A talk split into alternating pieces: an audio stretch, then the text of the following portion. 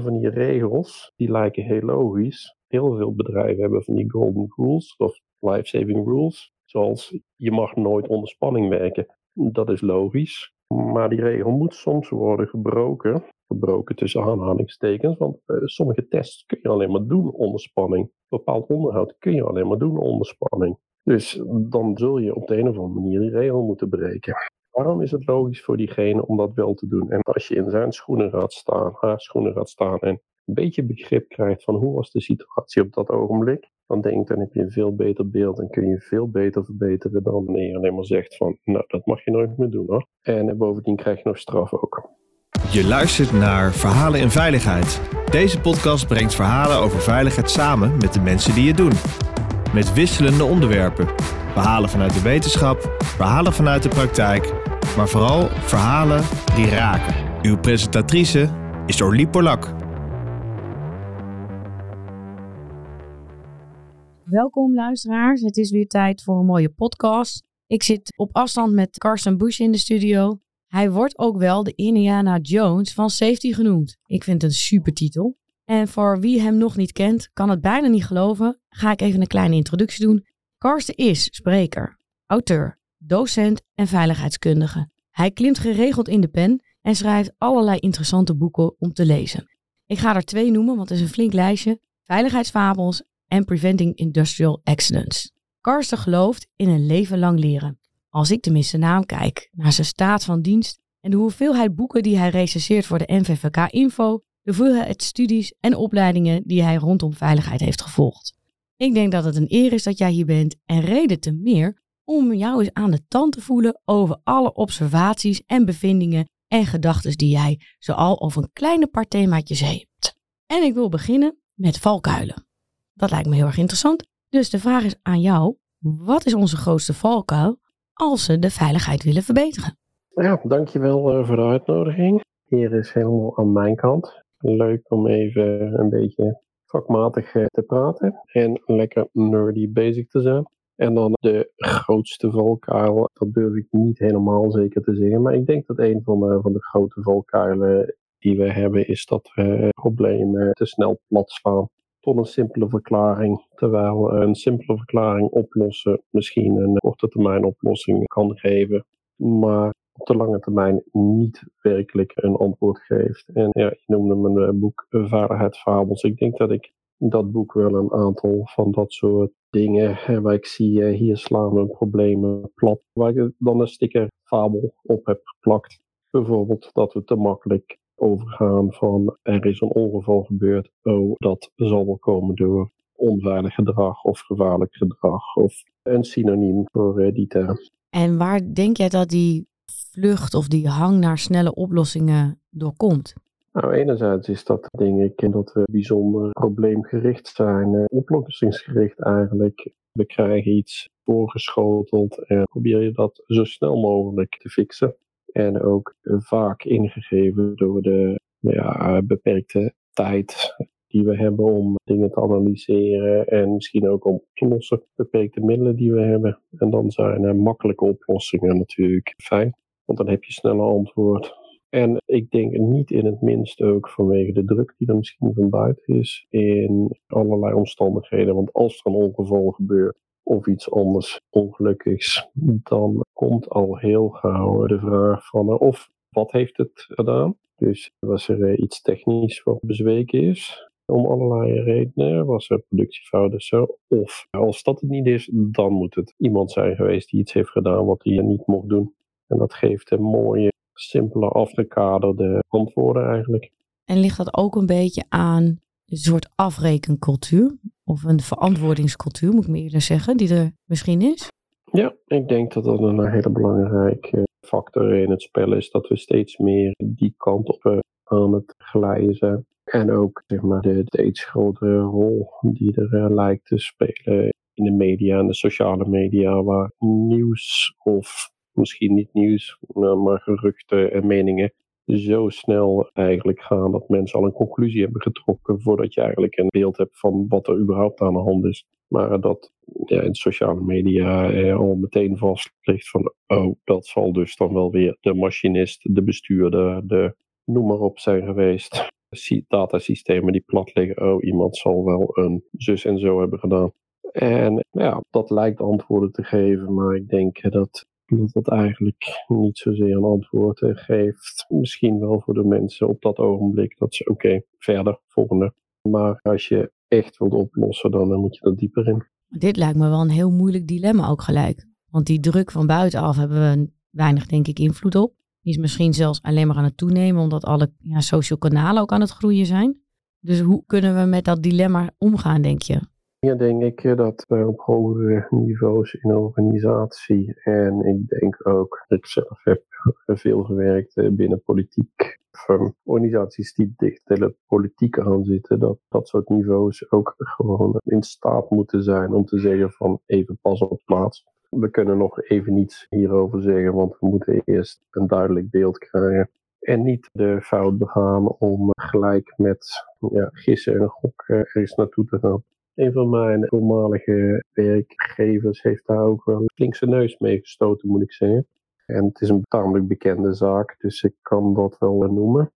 In 2000, meen ik, was er een ernstig ongeval met rail in Noorwegen, Osta-ulykke, waarbij enkele mensen om het leven kwamen, twee treinen tegen elkaar. En waar toenmalige spoorbeheerder te snel is uitgegaan eh, met te suggereren van dit zal waarschijnlijk een fout zijn eh, geweest van eh, de machinisten. En dat heeft ze heel erg opgebroken achteraf, want daar lag niet het probleem. Het probleem lag met name in het uitstellen van investeringen en communicatie en dat soort dingen. Dus op heel andere niveaus. Gelukkig hebben die er wel van geleerd. En dat tien jaar later, toen het volgende ernstige ongeval gebeurde, dat er heel genuanceerd werd gecommuniceerd en ook gezegd van we kunnen geen uitspraken doen voordat we meer weten.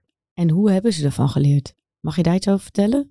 Tegen die tijd werkte ik bij ze. Toen zijn we ook gewoon echt heel diep erin gedoken. En één ding waar heel bewust mee om werd gegaan was was toen dat ook gewoon heel duidelijk de verantwoording werd genomen voor het ongeval wat toen gebeurde, waarbij ook drie mensen het leven lieten. Dat werd gezegd van wij zijn hiervoor verantwoordelijk en het is niet degene die achter de knoppen zat die verantwoordelijk is, maar de organisatie. Dat is ook toen de tijd gewoon, er was een eh, boete die werd opgelegd en die zonder morren of zo, of protest of iets betaald. Ik wil niet zeggen dat dat een goede manier is. Je kunt zeggen van, oh, ze hebben dus geleerd, maar er werd meer genuanceerd mee omgegaan. En er is ook heel veel werk toen gemaakt om ervoor te zorgen dat echt in het systeem werd opgeruimd. Technisch en organisatorisch, om uh, gewoon de kans te verkleinen dat zoiets nog een keer ging gebeuren. Ik vind dat mooi wat je zegt, want ik zie in heel veel industrieën dat men heel snel concludeert dat het gedrag van de medewerker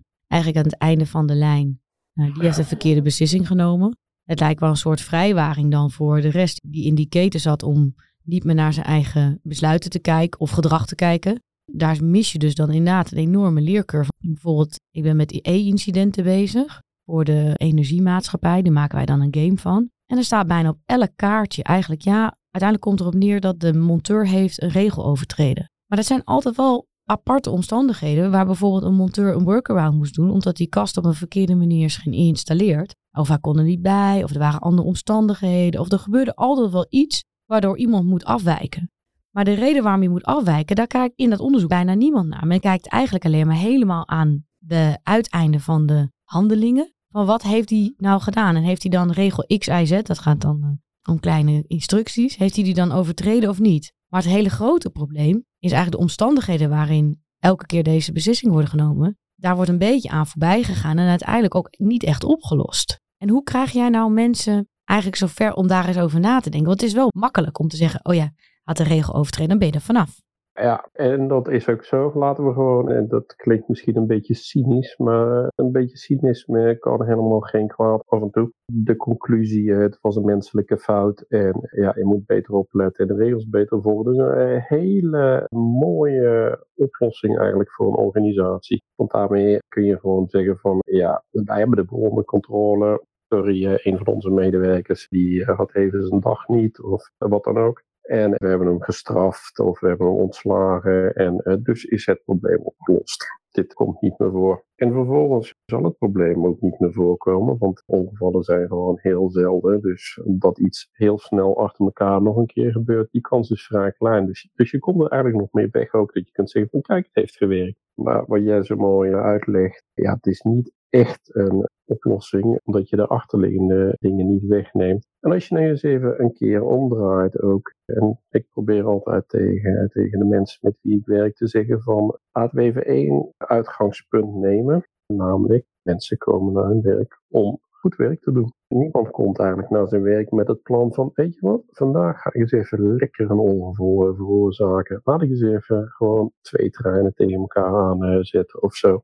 Niemand doet dat en ik denk de gevallen waar dat wel bij het geval is, denk bijvoorbeeld de German Wings, ja, dan zijn er wel hele ernstige problemen en dat is zo zelden. Daar hoeven we, ja, ik denk in het dagelijkse werk bijna niet over te denken. Dus als iemand naar zijn werk komt met het plan om eigenlijk goed werk af te leveren, dan kan het wel zijn dat hij een regel overtreedt. Maar dan zijn er dus redenen voor waarschijnlijk waarom hij die regel heeft overtreden. Dus geef hem even het voordeel van de twijfel. Hij heeft dit niet met kwade opzet gedaan. Waarom zou hij het dan gedaan kunnen hebben? Om de klus gedaan te krijgen. Omdat hij misschien anders eh, niet de klus gedaan krijgt. Omdat hij misschien niet wist dat er een regel was. Want dat bestaat natuurlijk ook in een heleboel gevallen. Dat organisaties regels bijmaken om iets te voorkomen. Of iets in ieder geval naar buiten af te timmeren. En dan achteraf is een makkelijke manier om te zeggen van ja, dat had je niet moeten doen. Want als je het niet weet, dan ja, hoe verwijtbaar is het dan? En zo denk ik dat we, als je echt in, zeg maar, gaat kijken van waarom was het logisch voor degene in die situatie om te handelen zoals die handelde, zoals die elektromonteur die je noemde. Waarom was het logisch voor die elektromonteur dat hij eventjes iets deed wat anders was dan in zijn eh, werkbeschrijving staat misschien? Omdat hij een probleem moet oplossen, omdat hij even niet de spullen had, omdat die tweede man die erbij had moeten zijn misschien eventjes naar de bus was om iets te halen en er was geen tijd. En misschien moest hij wel iets doen onder spanning, omdat je anders de klus niet geklaard krijgt. Sommige van die regels, die lijken heel logisch. Heel veel bedrijven hebben van die golden rules of life-saving rules. Zoals je mag nooit onder spanning werken. Dat is logisch. Maar die regel moet soms worden gebroken. Gebroken tussen aanhalingstekens. Want uh, sommige tests kun je alleen maar doen onder spanning. Bepaald onderhoud kun je alleen maar doen onder spanning. Dus dan zul je op de een of andere manier die regel moeten breken. Waarom is het logisch voor diegene om dat wel te doen? En als je in zijn schoenen gaat staan, haar schoenen gaat staan en een beetje begrip krijgt van hoe was de situatie op dat ogenblik, dan denk ik, dan heb je een veel beter beeld en kun je veel beter verbeteren dan wanneer je alleen maar zegt van, nou, dat mag je nooit meer doen hoor. En bovendien krijg je nog straf ook. Misschien is die manier van kijken naar risico's, lijkt die niet een beetje op een van jouw fabels?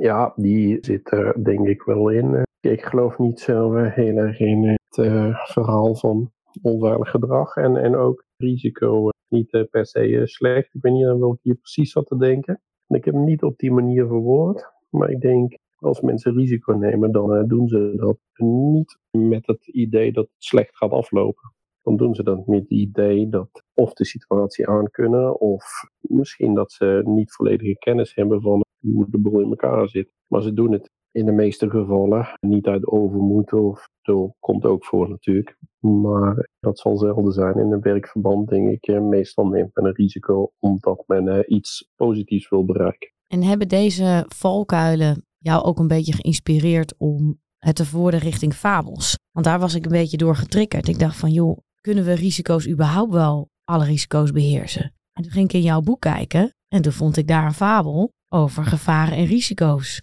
Maar uh, leg eens uit aan, aan de luisteraars, wat bedoel je daarmee? Gevaar en risico. En ik zeg eigenlijk altijd bij, het zijn negatieve woorden voor ons in de spreektaal. Als iets gevaarlijk is, dan heb je het erover dat er een risico is. En een gevaar is iets wat we eigenlijk willen vermijden. Maar van de andere kant, het zijn wel de dingen die we ook opzoeken. En de case die ik heel vaak gebruik om dit te illustreren. En als je hem opgehoord hebt eerder, sorry. Maar ik denk, het is gewoon een heel goed voorbeeld. Ik heb hier een kop koffie. En als ik die koffie koop bij de McDonald's of zo, bij een stationskiosk, dan krijgen we een kartonnen bekertje en daar staat waarschijnlijk op uh, caution hot. En dat zegt iets over het gevaar. je kunt je mond eraan branden of je handen of zo. Maar is dat een gevaar wat we eigenlijk willen vermijden? Ik als consument niet. Als ik een kopje veilige koffie zou krijgen, koud, dan ga ik waarschijnlijk klagen en zeggen van, wat is dit hier voor een bocht? Ik wil graag mijn koffie. En ik wil graag mijn koffie zo warm dat ik mijn bek eraan brand. Ik slurp hem wel voorzichtig, maar, maar het moet flink warm zijn en hij moet ook nog graag sterk zijn. Dus ik wil zelfs het risico op een uh, hartaandoening lopen ermee. We willen helemaal geen veilige koffie. Zeg maar, dat is weer die claimcultuur en misschien ook een beetje betuttelingscultuur die je af en toe ziet binnen veiligheid. Dat we moeten gewoon echt alles proberen dicht te timmeren. Want als iemand zijn mond verbrandt of de koffie over zijn schoot knoeit, dan word je aansprakelijk gesteld. Maar als je de waarschuwing erop zet, ja, dan is dat niet zo. Maar wij willen juist het risico graag nemen. Dat is die regelreflex. Toch? Er gebeurt iets en we maken een regel. Hetzelfde bij onze incidenten. In plaats van dat we dieper kijken naar de achterliggende oorzaken en misschien de manier waarop we het werk hebben georganiseerd, krijgt die arme meneer in kwestie er gewoon een regel bovenop. Ja, ja, ja ik, ik, herinner me goed. Ik heb heel eventjes in, in de offshore uh, gewerkt. En we hadden een collega daar, een van onze locaties, die enorm huis aan maakte als je met koffiekopje rondliep waar geen deksel op zat. En ik begrijp het wel op een, op een schip en zo. En als je knoeit en glad en glijgevaar en zo. Oké, maar jongens, op kantoor, hallo. En ja,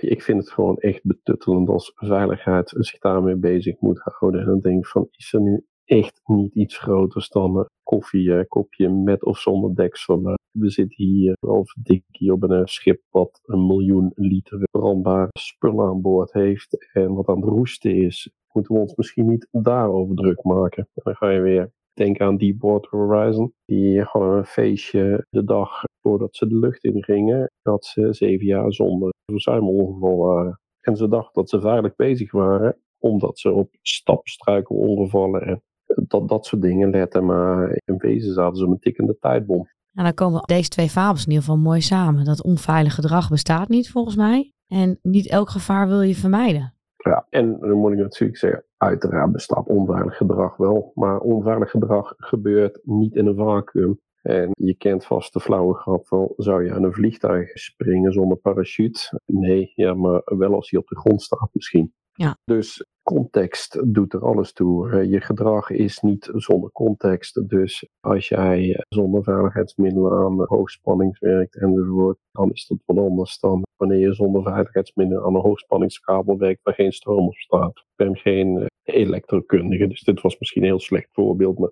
je begrijpt wat ik bedoel. En de commentaren komen nu meteen, hè? Onderen in de feed. Maar ik denk dat wij nog in een deel 2 van deze podcast verder moeten praten. Want we zijn eigenlijk pas bij de eerste fabel beland. Dus ik wilde jou vragen om deel 2 zo met mij ook op te gaan nemen. Die de luisteraars wat later mogen luisteren. En dan wil ik verder eigenlijk even ingaan op jouw favoriete fabels. Oké.